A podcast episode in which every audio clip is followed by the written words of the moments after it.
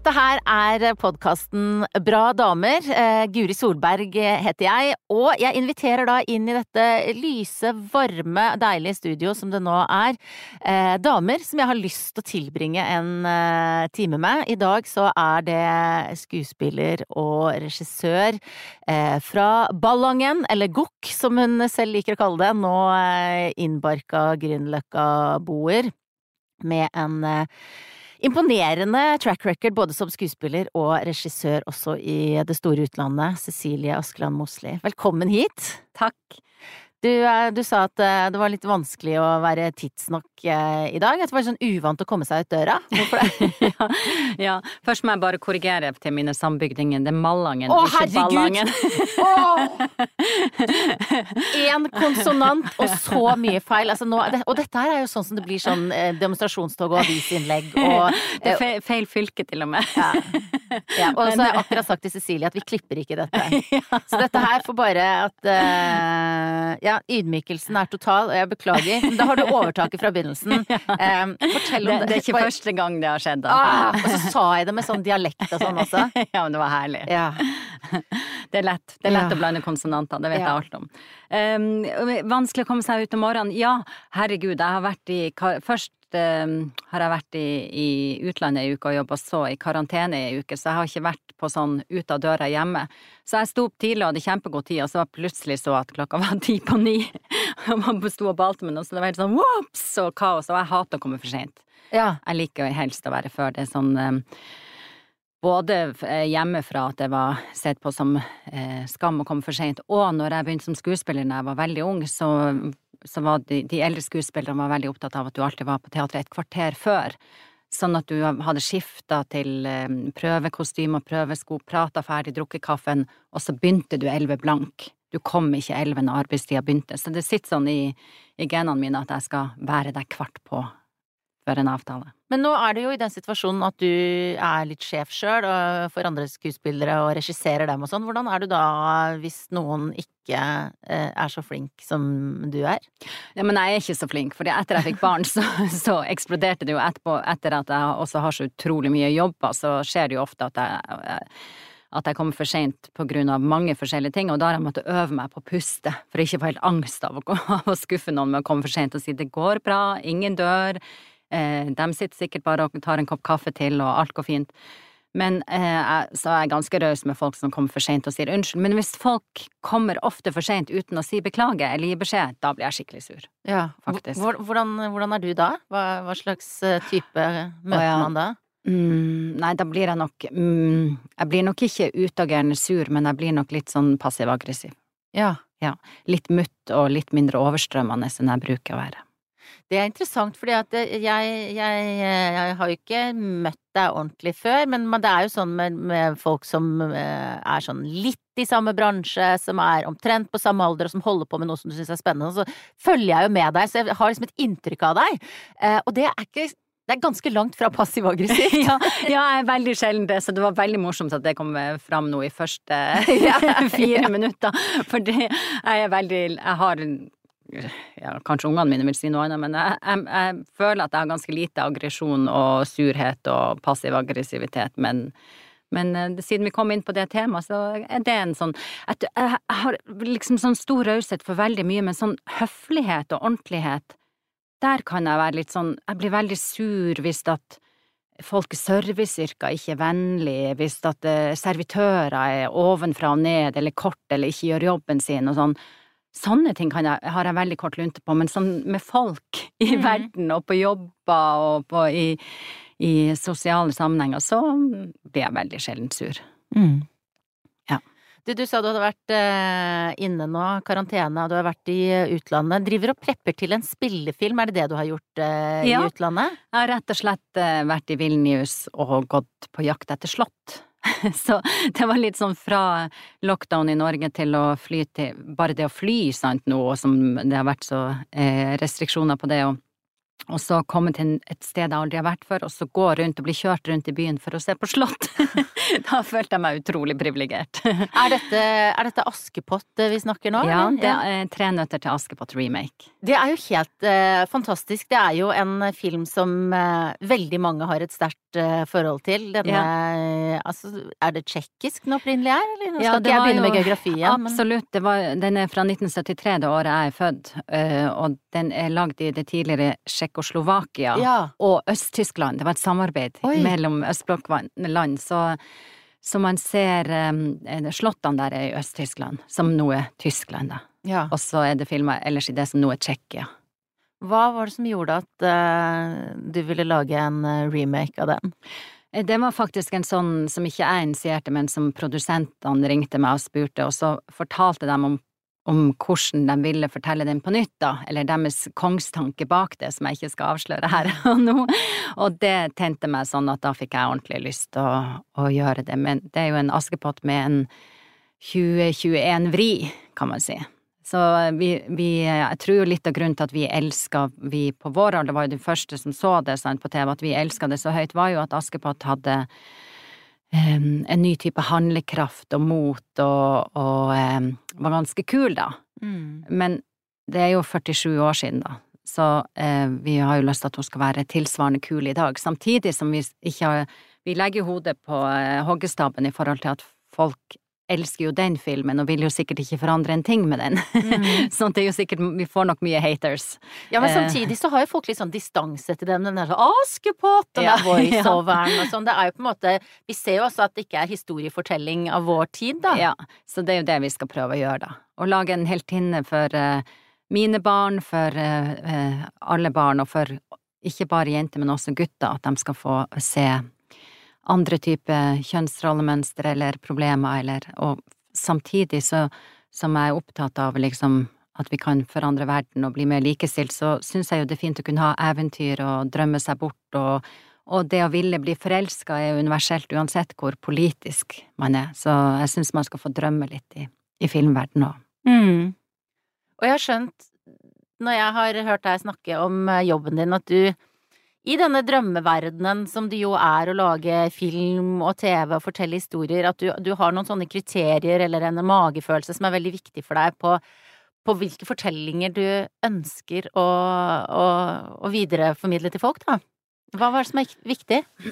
Ja, det her er jo en sånn lang historie, en lang prosess i forhold til at jeg hadde en stund hadde jobba veldig mye og ikke, også følte at jeg hadde mislykkes med et par prosjekter, og at jeg ikke var så glad da.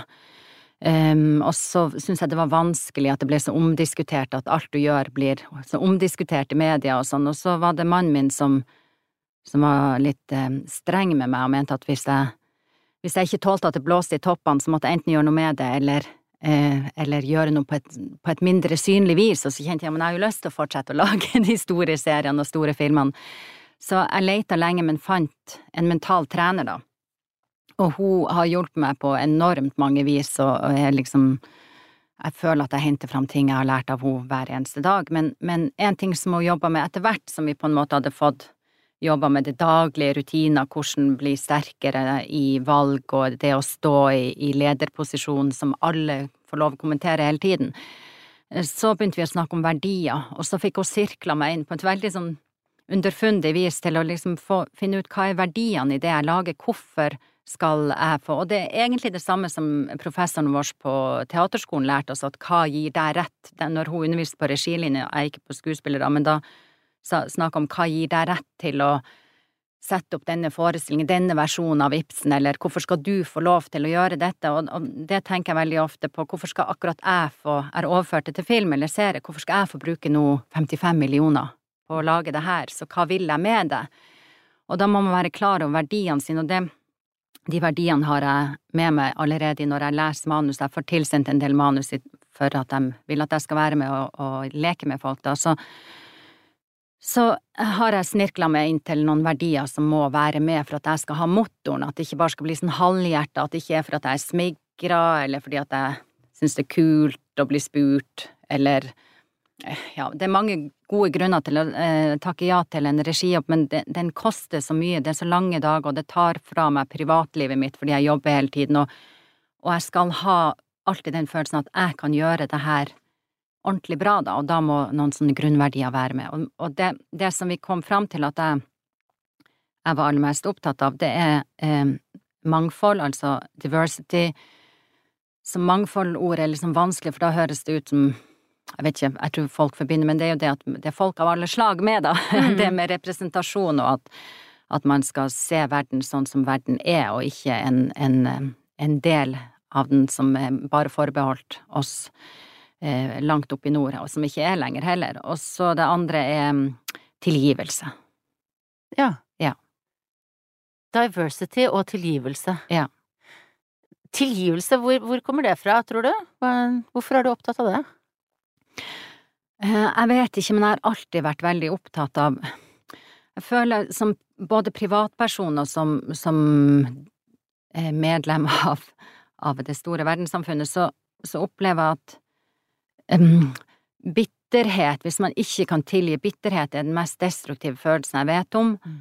Og så vet jeg også at som privat, hvis noen har gjort noe stygt mot meg, og sier unnskyld og forstår at de har gjort det, så, så er man ferdig med det på, i det samme øyeblikket det skjer.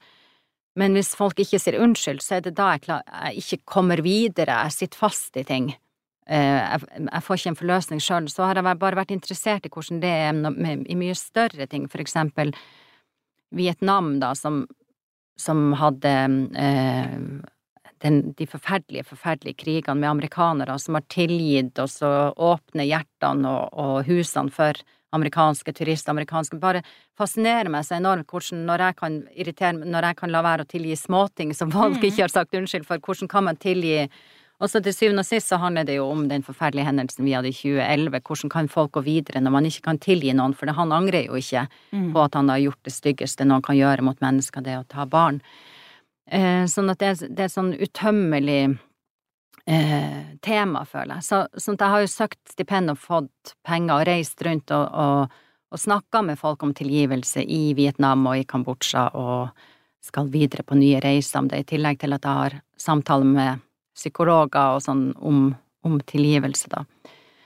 Og jeg ser jo at veldig mye av verdenslitteraturen og dramatikken handler jo på et og vis om både det For tilgivelse er jo både det å få tilgivelse, men det er også når det ikke skjer. Ja. Av de konfliktene. Fordi alt drama er bygd opp om konflikt, og en konflikt blir jo man enten ferdig med eller ikke, da. Mm. Dette her som du reiser rundt og, og snakker med folk om, er det, er det et uh, prosjekt som, du, som kommer på film, eller er det en slags sånn evig research uh, Ja, det er min evige research. Det er ja. så fantastisk med kunstnerstipend at det er jo det er ikke alle stipendene du søker på for et prosjekt. Noen ganger kan det jo være det, men men for meg det, er det her en sånn evig reise, da, eh, i, i de temaene som jeg vil utforske, og som for eksempel i Vietnam, hvor vi oppdaga at ja, på overflaten så er tilgivelse, når du stikker dypere, så finnes det konflikter sånn i forhold til dem som dro, som var på amerikansk side og kommer tilbake, at kanskje man sånn, Det er mye mer komplekst enn en at eh, men, men, generelt også forskjellen i kulturer, hvordan man bestemmer seg for å overvinne og bli ferdig og gå videre. Um, ja. Det syns jeg er bare enormt spennende. Og så hadde jeg jo med familien på de her tingene, og det at barn, barna mine òg spurte folk om de tingene, var jo en sånn døråpner, fordi folk snakka med oss. Ja. Og det var derfor du satt i Kambodsja da du fikk eh, beskjed om at det ble Grace Anatomy. ja, ja, det, det, det, det, hørte jeg du fortalte om et sted, at, liksom at, at da var du i Kambodsja i nærheten av Angkor Wat, som er liksom et av verdens syv underverker, sånn, og fikk eh, telefon eh, om at du skulle regissere Grace Anatomy, som du nå har gjort to episoder av. Mm. Det er jo det er fantastisk da, å ha et liv hvor det er rom for for begge de tingene. ja, ja. Både Grey og Ankor, for å si det sånn. ja, ja, det var en litt absurd eh, situasjon, ja. Også fordi at jeg måtte jo eh, samle inn en haug med dokumenter for å få lov til å reise til USA, for det er jo ganske strengt for å komme inn i USA, og da må det er sånn spesielt visum som du må ha masse sånne anbefalinger til, som heter en O1-visa. Og det var juli, så de forskjellige produsentene mine var jo sånn på en gresk ø, eh, uten dekning der, og så var det jo natt og dag i Norge, Kambodsja, USA på helt forskjellige vis, sånn at jeg var oppe hele døgnet for å kommunisere med de forskjellige. Så det var veldig rar. Det ble litt kanskje, Det ble kanskje litt dumt for familien min, men de, jo, de heia jo på det, så Ja. Ja, det må jo ha vært et, eh, et spennende prosjekt for hele gjengen å være involvert i. eh, Samtidig som dere var i Kambodsja. Ja. Det, det høres jo veldig sånn, eh, litt sånn eh, stress ut og kavete ut. Hvordan er du i en sånn situasjon hvor du skal på en måte eh, Ja, hvor du har noe, et sånt prosjekt som du sikkert er gira for å komme i gang med, da, mens alle der praktiske greiene du skal fikse. Er du, beholder du roen i en sånn sammenheng? Det her hadde jeg faktisk glemt, men når jeg fikk den telefonen om det, så ble jeg bare stille i en time. Jeg sa faktisk ikke noe til familien. Jeg tror når det blir for overveldende, så blir jeg helt stille. Og så sa jeg det veldig rolig, nesten som en sånn ja, jeg har vært ute og henta en, en eh, pakke smør, liksom. Så da ble de helt sånn seriøse, nå skal vi juble. Ja.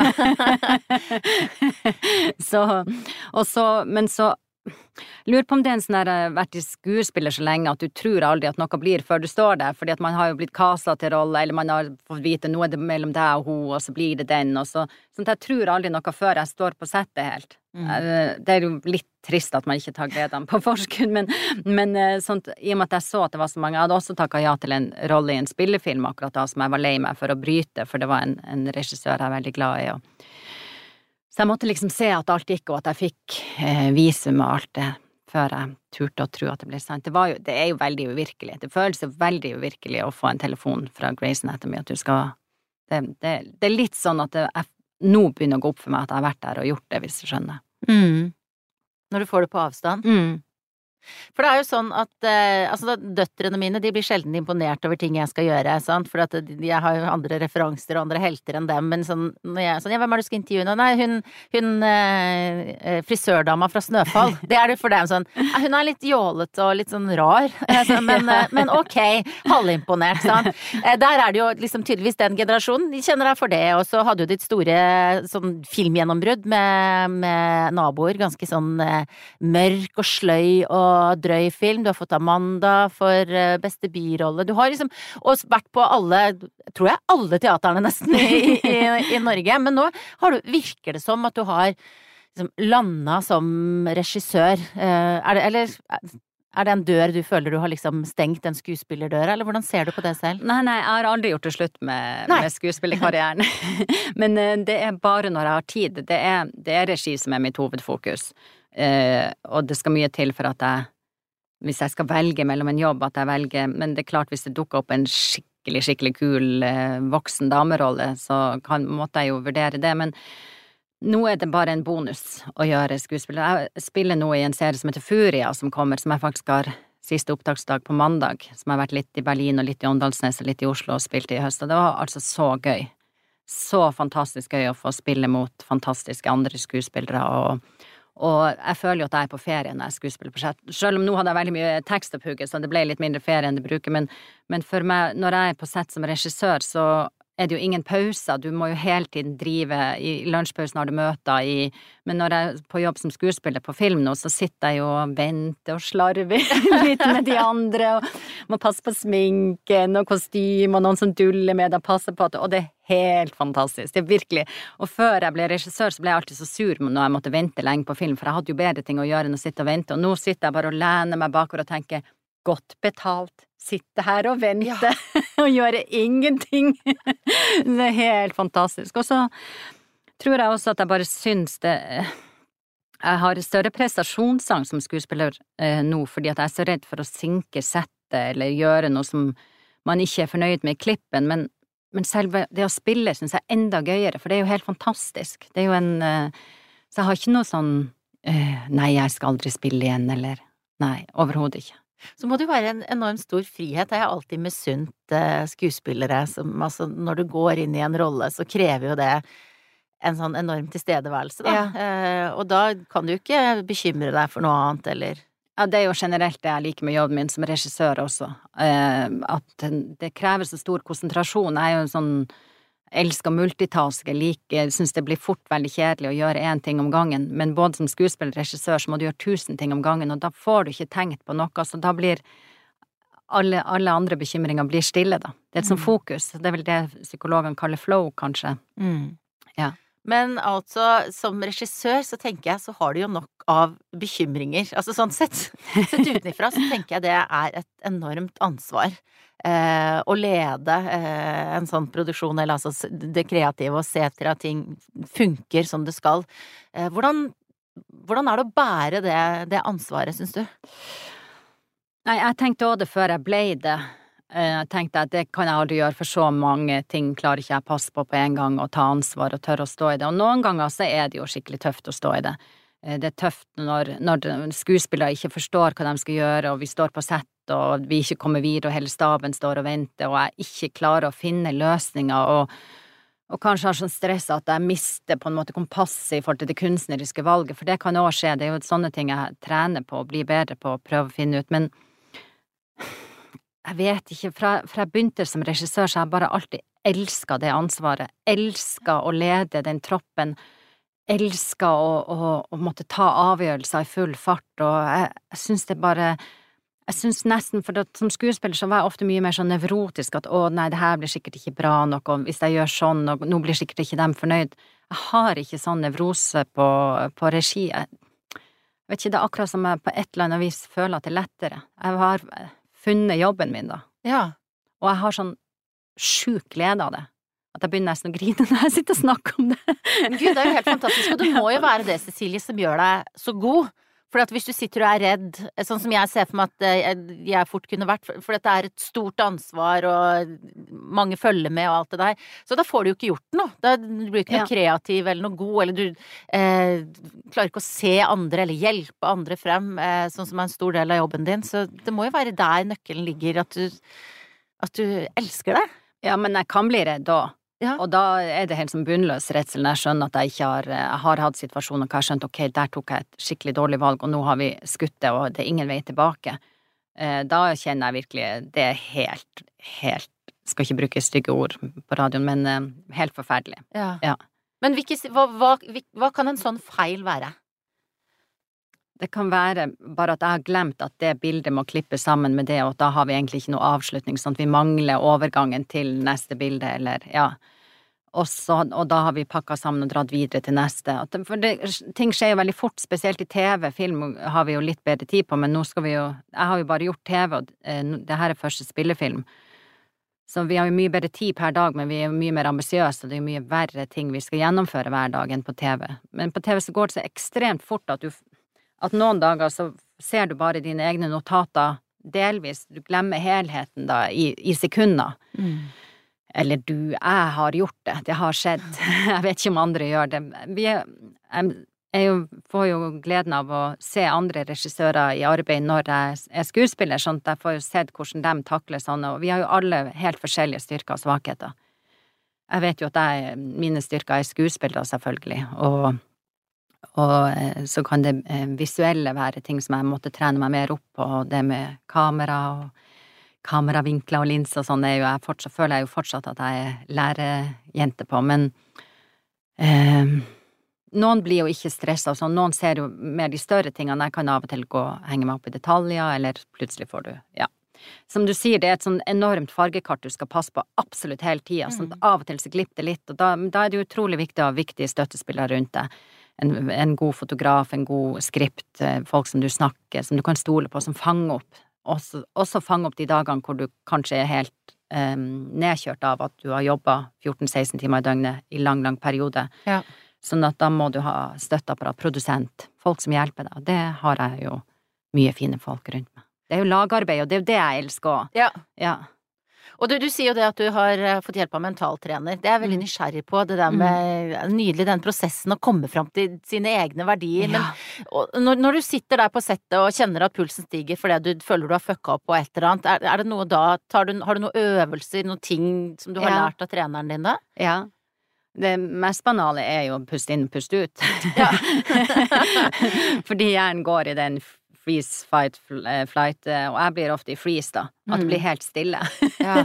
at jeg bare Jeg har ikke en tanke. Noen står og ser på meg, og spør om noe, og det er helt stille. Og, jeg, og da får jeg lyst til å bare gå. Og da er det jo teknikker hun har lært meg i forhold til å puste, og så å stille et spørsmål, repetere det de sier, få liksom hjernen til å fungere igjen, da. For det er jo det som skjer, at du mister rasjonalet ditt. Det er jo ikke det at jeg er stokk dum og ikke har tenkt, for jeg har jo tenkt masse, og det er jo det hun har lært, for det er jo det, da jeg tenker å nei, jeg er dum, jeg klarte ikke det. Det er jo Ja. det er veldig sånn kanskje jentemåte også å tenke på. Um, og, så, og så er det da å få tilbake IQ-en min, for den blir jo borte. og alle forberedelsene mine eh, som faktisk ligger der. Og så er det så rart, for uansett hvor mye du forbereder deg som regissør, så kommer det alltid til å dukke opp ting du faktisk ikke har tenkt på, som noen spør om eller trenger seg svar på. Det er jo det som er litt sånn Ja. så, så ja, så man fortsetter jo Neste gang så husker jeg jo å forberede det, og så kommer det noe nytt. Det er alltid noe uventa. Og det kan være litt stress, det må jeg innrømme. Mm. Og når du er hos en mental trener, hvordan, altså, hvordan foregår de treningsøktene? Hva er det man gjør da? Eh, Det er mest samtale, og så er det øvelser, og så er det systemet hun har for å kartlegge eller for å forklare, og så caser. Hun har jo også vært med meg på jobb og sett hvordan, fordi hun har trent mest business og idrettsfolk før det. Nå, nå trener hun veldig mye folk innenfor vår bransje, da, men um, men uh, for at hun skulle lære hva min dag var, da, og hva det er, hva det er som skjer i løpet av en dag på opptak. Og så kan hun gi deg verktøy som går på de konkrete Ja. situasjonene som hun ser oppstår? Ja, og så har jeg kunnet ringe henne fra USA når jeg kjenner at jeg ikke tør å gå på. Ja. Eller ringe henne når jeg står i en kjempekrise og ja. Så ja. Jeg, intervjua forrige uke en som heter Haldis Rønning. Hun er dirigent Ja. eh, for eh, store, dyktige symfoniorkestre verden over. Eh, hun snakka mye om det å det å lede på en litt annerledes måte. Hun sa det at eh, hun møtte mange som forventet en viss ledertype, og istedenfor å gå inn i den rollen, så, så hadde hun sin måte å gjøre det på, og det, da ble folk litt sånn hø, men eh, mente liksom at vi måtte se på måten vi definerer hva som er sterkt, og hva som er mektig, og, og det merka at jeg liksom tenkte at jobben din på, ligner jo veldig mye på hennes, da. Det, får, det handler om å få folk til å fungere kreativt, til å spille sammen, både i eh, bokstavelig og overført betydning. Eh, Hvordan, hva slags lederstil har du? Det bare synes jeg var kjempeinteressant det du sier nå. Jeg, jeg, hun ligger nest i, jeg hører på podkasten, jeg er veldig Ja, er glad i å høre, høre de fantastiske damene som du eh, snakker med. Så hun lå neste nå på min min, hva jeg skal lytte på. Eh, jeg har tenkt på det at dirigent, og, og dirigent er jo enda, det er jo enda færre kvinner som er dirigenter, og det, sånne ting irriterer meg jo veldig, at det ikke er lagd rom, eh, rom for det, og det, regissør, filmregissører har jo også vært veldig sånn forbeholdt og vanskelig å komme inn og vanskelig å få tillit som kvinnelig regissør, da, men nå, nå er det jo en helt sånn gullalder for, for nå vil man jo ha kvinner, endelig. Eh, Når jeg begynte å skulle prøve det, så var det mye større motstand. Eh, Så jeg drømmer virkelig om at, at noen unge jenter jeg kjenner skal bli dirigenter, prøve å si til dem når de vil bli Unge jenter som vil bli skuespillere, sier men når jeg merker at de har um, større tanker enn bare Altså tenker stort om ting, så tenker jeg kanskje du skal bli regissør, og sammen når de sier de vil bli musiker, kanskje du skal bli dirigent. Ja. Prøv å, å sette det, for det man ikke ser Jeg så jo ingen kvinnelige regissører når jeg var ung, så det du ikke ser, det tror du ikke at du kan bli. Mm. Em, og det er jo det samme representasjon og mangfold, at det, hvis du ikke ser folk kan bli noe som Men til ledertype så har jeg tenkt også masse, så jeg gleder meg skikkelig til å høre den episoden, fordi eh, jeg har jo en helt antiautoritær eh, lederstil. Eh, og veldig sånn motsatt av Og jeg tror i USA var det litt vanskelig for dem å forstå at jeg var sjef likevel, når jeg var så myk, men jeg insisterer på en måte på For i USA så er det ve veldig mye mer sånn at you fake it till you make it, at du at hvis du var usikker, så sier du ikke sånn 'hva syns du', da skal du si sånn 'yeah, I'll do that'. Ja. Og det gjør jo ikke jeg. Jeg er veldig opptatt av at fagfunksjonene rundt meg, som fotograf, scenograf, alle fagfunksjonene, lyd, alle kan sitt yrke best. Og så skal de eh, komme med sine eh, synspunkt og meninger og sin erfaring, og så er det jeg som må ta valg. Det er min jobb. Mm. Å si ja, men vi går for den, og at det skal passe inn i mitt univers. Men jeg vil alltid spørre eh, da, hva syns du, hva er ditt forslag? Og det er jo en veldig sånn ikke eh, autoritær for mange måter, mange folk å lede på, men fordelen med at man eh, er på lag og, og har det hyggelig, jeg er jo veldig opptatt av at folk skal ha det morsomt på jobb og, og flire og, og glede seg til å gå til jobb, sånn som jeg gjør. Um, men det som er fordelen med når det er et sånn blid måte å lede på, det er jo at hvis jeg bare blir alvorlig, så blir, blir det, Ok! Oi, det var her Jeg var eh, satt opp eh, på Nationaltheatret i høst, og da også Da tenker jeg kanskje jeg var litt for mild, men det var en gang jeg kom på en gjennomgang eh, Nei, du ser jo forestillingen når de går, og så var det noen som har sagt meg når den begynte å skli litt ut, og så kom jeg inn i, i skuespillerfoajeen før forestillingen og sa at jeg hørte at det begynner å skli ut, og jeg vil ikke ha det og det og det. Og i en sånn tone, ikke noe Ja. strengere enn det. Og da kom jeg tilbake etter og sa nei, det gikk jo kjempefint, og da var de sånn «Åh, takk oh, for Gud!» det. Men du, du, du slipper å rope og skrike når du ikke, Mm. ikke gjør det i hytt og pine, da. Så skjønner folk at når jeg blir alvorlig, så er det nok til at folk sier ok, det gjør vi ikke. Uh, og det, det syns jeg er både mye hyggelig for meg og for dem, og veldig effektivt. Jeg er ikke så glad i sånn eh, umotivert hyling og skriking på sett. Jeg kan bli sur, jeg òg, men eh, det begynte jeg jo podkasten med, men det, det er ikke så ofte. Passiv-aggressiv, velkommen hit. ja. Ja. Nei, eh, jeg tror at den feminine lederstilen trenger man mer rom til, og jeg tror det er veldig uvant for folk, for folk er vant til at de blir bestemt over menn som er skråsikre, altså apropos presidentskiftet. Å ja. Ja. Ja. Så, så, så tror jeg at det, ja, Joe Biden har jo en mer eh, feminin lederstil, da. Mm. Snakk om det positive, dra fram det vi skal, hvor vi skal, istedenfor å diktere og, og, det, det mm, tror jeg også vi kvinner kan bli usikre av at å ja, har de ikke roret, vet de ikke hvor vi skal, Eh, og det merker jeg av og til på stab, så da kan det hende at jeg skjønner at nå, ok, nå må jeg markere litt av at jeg vet hvor jeg vil. Mm. Men jeg syns det er en skikkelig vanskelig balansegang, for jeg merker jo av og til at det blir litt sånn ok, nå, nå kjenner de ikke igjen lederstilen, nå blir de urolige, så nå må jeg på en måte ta tak i noe som jeg egentlig, en lederstil jeg egentlig ikke vil ha, men for at folk skal få skjønne at jeg, jeg vet, vet hvilken retning vi skal i. Ja, at du liksom tar på deg den der den blazeren med skulderputer jeg på å si, Ja, litt for å sånn. få de til å høre på deg. Ja, ja. Men hvem, hvem er det som er tøffest å regissere, da? Er det skuespillerkolleger i, eh, i Norge, altså i Mammon for eksempel, eller er det eh, disse som vi liksom Å, stjernene i, eh, i Grace Anatomy, for eksempel? Vet du hva, det er akkurat som om alt er det samme overalt. Det er dem som er kjempeenkle, og så er det dem som bare alltid stiller spørsmål. Og det er bra å stille spørsmål, men som, som på en måte trenger det for å bli trygg, da. At de, de spørsmålene ofte kanskje ikke er så relevante. Det, det, det er liksom Du har alle typer folk. Det syns jeg var litt sånn overraskende når jeg, etter å ha regissert en del, så tenkte jeg sånn Å ja, nå har jeg knekt koden, nå vet jeg hvordan folk vil ha det. Og så kommer du på neste produksjon, så vil noen andre skuespillere ha regi helt annerledes. Oh, ja, ja. Noen vil ha analysen, noen vil ha strenge beskjeder, eh, helt konkret, ned med haka bort. Noen vil overhodet ikke ha det, og noen kan bli rasende av det, gå fra sett til side. 'jeg vil ikke bli snakka til sånn', og bare 'å ja, ok'. Um, da tar vi den andre verktøykassa frem. Sånn at uh, det føler jeg at det er det samme i, i Norge og USA. Jeg føler vel i USA så hmm, er skuespillere veldig, kanskje enda mer trent i å levere. ja. Um, sånn, og enda hardere konkurranse.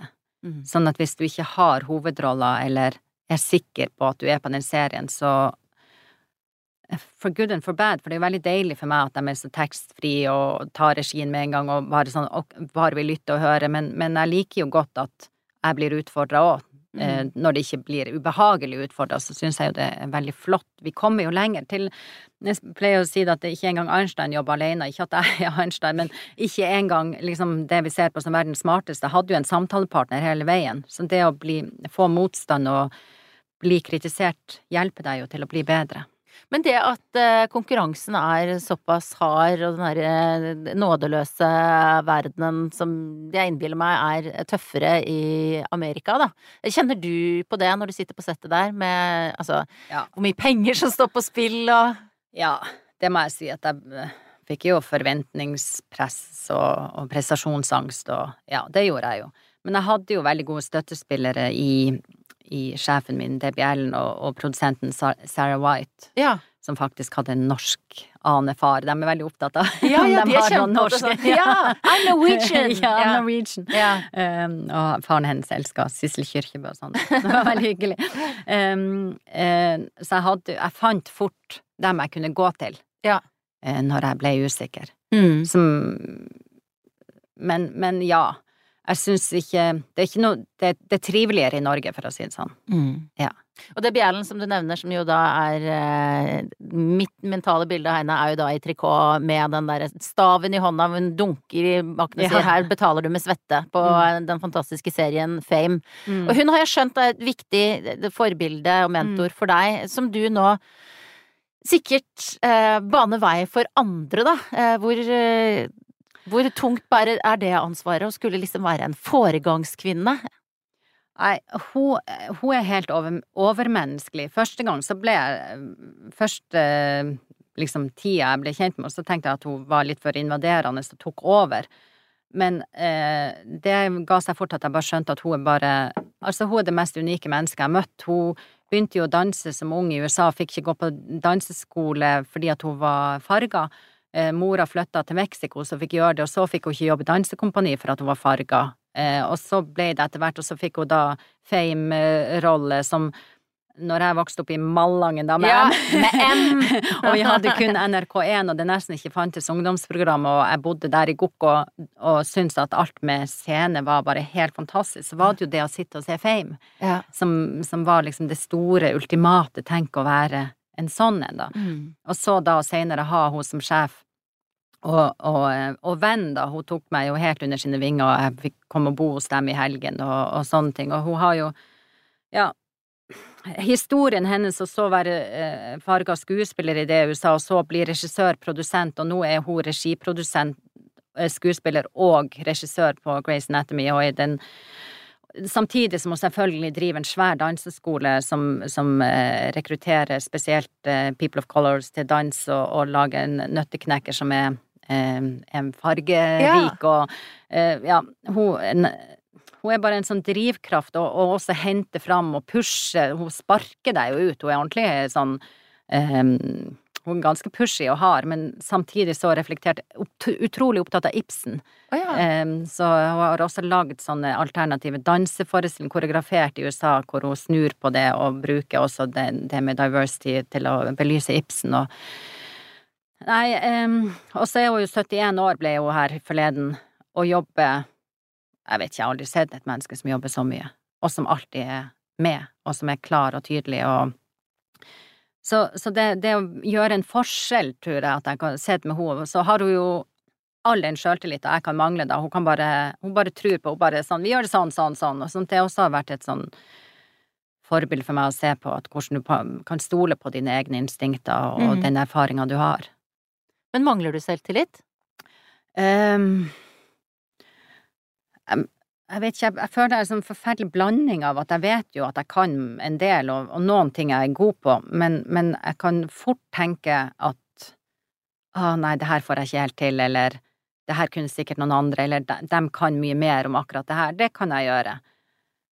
Men mm, ja, det har vel tatt litt tid å, å stole på min egen kompetanse, ja, det tenker jeg. Samtidig som jeg har hatt det her det er, liksom, det er sånn komplekst, for jeg har alltid hatt det utrolige behovet for å uttrykke meg, så jeg har jo turt å liksom søke teaterskolen, turt å eh, sende inn søknader til, eller skrive film, eller Men det, det bunner ikke så mye sjøltillit som at jeg bare har en sånn kraft, drivkraft, en sånn necessity, altså at det føles nødvendig å gjøre det. Mm.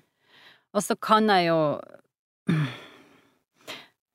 Nei, jeg vet ikke. Det, det, det har jo vært eh, Nå det jo, har det jo vært alle disse metoo og alle oppgjør, men, men jeg begynte jo Det er jo nå Jeg begynte som profesjonell skuespiller da jeg var 18, og så gikk jeg teaterskolen fra jeg var 20 til jeg var 23, og, og strukturene var jo veldig annerledes.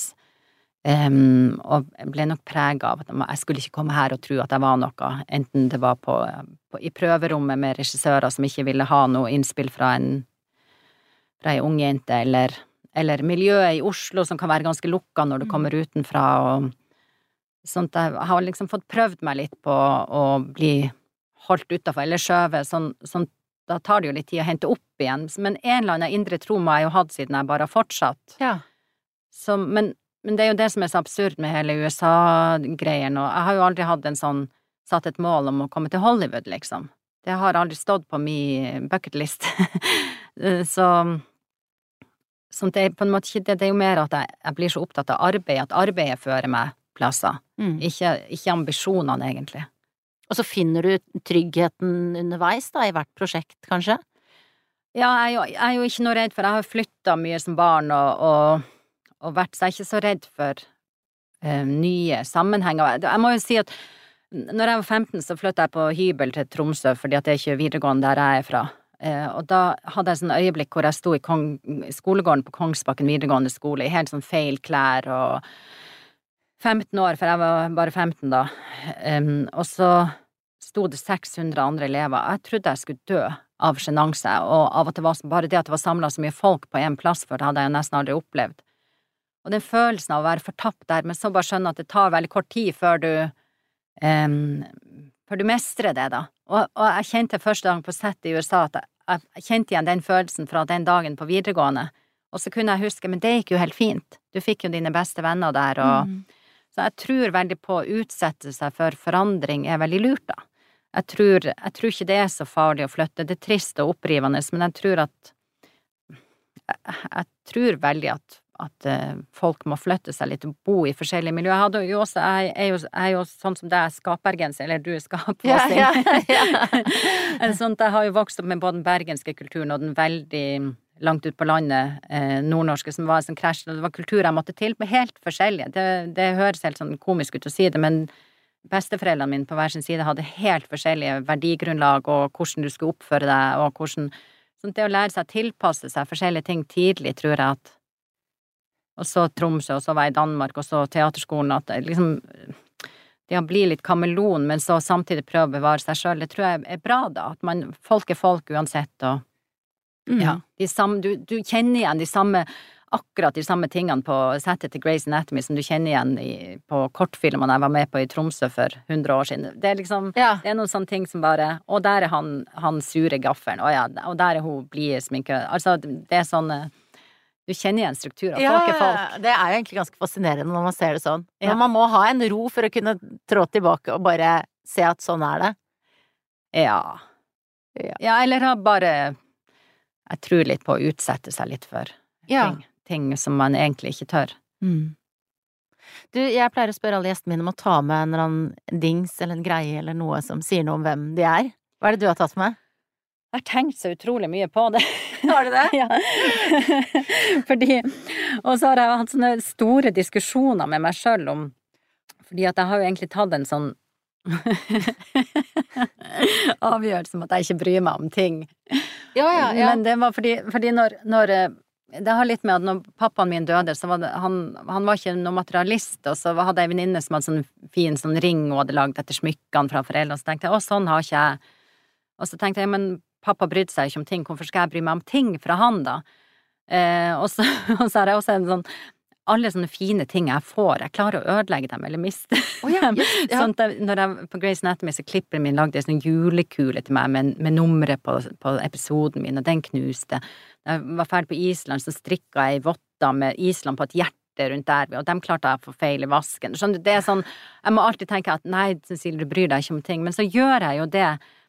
Jeg bryr meg jo om eh, no, no, noen, noen ting jeg har på veggene, noen noe kunst som jeg har investert. Jeg bryr meg veldig mye om de få tingene jeg har fra fra eh, pappa og farmor som var meg veldig nært, en jakke fra henne, og, og, og jeg bryr meg ting, om ting som mamma og stemora mi strikker til meg, som jeg liksom, ja, føler har meg nært. At jeg, og smykker jeg har fått av mannen min, selvfølgelig, bryr jeg meg veldig mye om, men, men det, det endte med da, å ta med som ting, det er det her jeg har på meg her. Og det er ei klokke som mamma så gjennom et vindu når hun og pappa var ung, og så gikk han inn og kjøpte den til henne, og så er kjedet etter mormor. Og det som, grunnen til at det er en sånn viktig ting for meg, det er jo eh, både at pappa og mamma og eh, historien min er i det, og så er det det at når jeg em, er på jobb i andre tidssoner, så er, jo, så er klokkeslettet et annet hjemme, så har jeg alltid den på norsk tid, og så er det nært hjertet mitt, og så tenker jeg at mannen min og barna mine, da vet jeg at de, nært hjertet mitt, hva klokka er, hva de gjør hjemme. Så derfor har det blitt en sånn viktig ting, da. Selv om jeg ikke bryr meg om ting. Men jeg bryr meg om det her. Ja, du, det forstår jeg veldig godt. Og så Ja. fint å ha med det i jeg ser, jeg ser for meg deg på en sånn ja, i den skolegården, da, eller på et kaotisk sett med masse stemmer og masse ting, og så bare har du den rundt halsen og, og Ja. puster inn og ut. Ja, som og du har fått beskjed på, om. for de fineste Jeg hørte du på en podkast, det var noen du sa at hadde hatt med seg sønnen sin som ting. Og Mhm. jeg tenker at det er jo, til syvende og sist er det virkelig Du kan ta vekk alle ting, men det er de folkene i livet mitt og familien min som, som er de, de største tingene. Ja. Mm. De eneste tingene som er verdt noe. Og det har gjort også at du har, har jeg skjønt, har selvtillit til å eh, gjøre noe som jo er litt uvanlig, da, å si nei. Si nei til ting. Altså, det krever sin kvinne, i hvert fall i en bransje som er frilansbasert, og du er aldri bedre enn ditt siste oppdrag, og det handler om å holde seg på topp og sånn. Um, hvis det tar deg for mye bort fra familien din, for eksempel. Ja, jeg sier nei hele tiden. Det er litt sånn, det er ikke fordi jeg er så ettertrakta, men det er litt sånn at i USA, hvis at du har gjort episoder og fått det til, så kan du egentlig gjøre så mye episoder du vil. Um, og akkurat nå så vil de jo gjerne ha kvinnelige regissører, så det å ha, være dame og ha en, en CV som er såpass stor som jeg har, så, så er de veldig interessert, da. Sånt um, Ja, jeg sier mye nei eh, Mm. hver uke til å reise bort, men det er jo fordi at jeg syns det er skikkelig vanskelig å være på andre sida av jordkloden med ni timer tidsforskjell, og det er veldig ensomt. Um, og, um, men, men først og fremst så har jo jeg familie, og de barna har jo ingen annen mamma enn meg. Og, og har jeg, så jeg vil være med dem, og jeg syns at de fortjener å ha eh, oss der. Så, så er det klart at de, at de er alltid med på avgjørelser. Sånn som nå sist så fikk jeg tilbud om å reise tre måneder til gjøre en engelsk svær serie, men da måtte jeg være i Romania, nei, Ungarn i tre måneder uten å reise hjem og uten å få besøk. Mm. Og da spurte jeg jentene hva tenker dere om det, og de bare nei. Og da, da, da er det så enkelt, fordi de er ellers veldig sånn at de syns at jeg kunne sagt ja til flere ting, for de syns jo det er stas, og de heier og backer meg. Ja. Men jeg ser jo at ja, selv om de sier ja, så er de jo lei seg når jeg er borte på fjerde-femte uka. De, Mm. Det er ikke bra. Um, sånn at jeg, jeg sier mer nei enn dem, til og med. Men da når jeg spurte dem sånn, hva med tre måneder, de bare nei. Nei. Så det er ikke så vanskelig, det, det må jeg si. At, um, kan hende blir det for seint når de er ute av redet, men um, nei, der er det ganske jeg, er mye borte selv om jeg sier nei til 90 av det jeg blir spurt om, så er jeg jo mye borte. Mm. Det blir ikke for seint heller, vet du. Nei, jeg tenker at jeg må bare holde meg frisk og i hode og kropp, så ja, tenker at det går helt fint. Jeg ser på Debbie som er 71 og Ja, ja, ja. i full rulle. And you're paying with sweat! ja. Det er så fantastisk. Ja. Nei, så, men det er klart at det å si nei, også det med verdiene, når man er så privilegert som jeg er nå Det må jo sies at jeg utvikler jo masse ting som jeg vil gjøre, og som er min historie. Jeg får jo masse nei den veien òg, men Mm. samtidig som jeg får masse tilbud om å gjøre for andre historier. Så, da, sånn at det er ikke sånn at jeg går på en sånn sti hvor, alt, hvor jeg kan gjøre hva jeg vil. Overhodet ikke. Det er virkelig vanskelig å få, fra, få til å få penger til de tingene jeg har lyst til å lage sjøl. Eh, det skjer av og til, men, men det, sånne ting kan være en ordentlig kamp. Men, men jeg føler meg jo veldig privilegert som kan vurdere, når jeg får inn, at jeg kan sitte med de verdiene mine og tenke er det verdt å, å bruke? Kommer jeg til å elske å fortelle denne historien? Kommer folk til å elske det? Eh, gir det noe eh, å bruke alle de millionene på? Gir det noe til universet? Ja. høres, høres ut som nesten som patetisk, men det er, det er viktig, da. Ja, det er Jeg skal bruke utrolig mye penger. Jeg bruker, jeg bruker liksom 100 millioner eh, på å lage serier, så må man Det er kult, altså. Ja. Det er kult. Du Cecilie, siden du har hørt podkasten, så vet du at jeg har sånn tre kjappe spørsmål som Ja. jeg stiller alle gjestene mine. Hva spiste du til frokost i dag? Da måtte jeg flire når jeg spiste frokost, fordi For da kom jeg på at du kom til å spørre om det.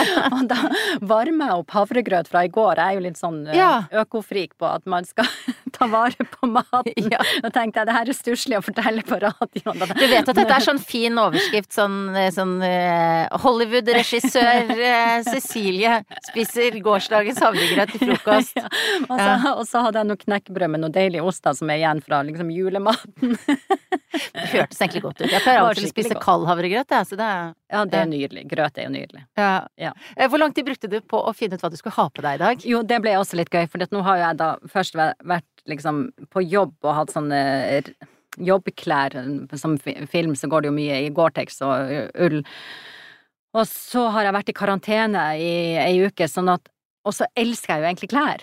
Sånn det, jeg gleder meg sånn den dagen jeg skulle ut av Å, så huset. Ja.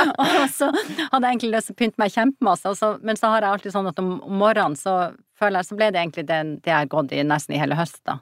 Eh, Sjøl om jeg egentlig skifter klær. Det, så det, det endte med at det ble liksom det jeg bruker å. Veldig fin bluse med, med, med duer på. Ja. Eh, Så det er Jeg er veldig glad i den. kjempefin. Den er fra bruktmarkedet på Birkelund. Så den eh. Når hadde du sex sist? ja For det visste du også at jeg skulle si. Og da lo jeg litt i går, da. Når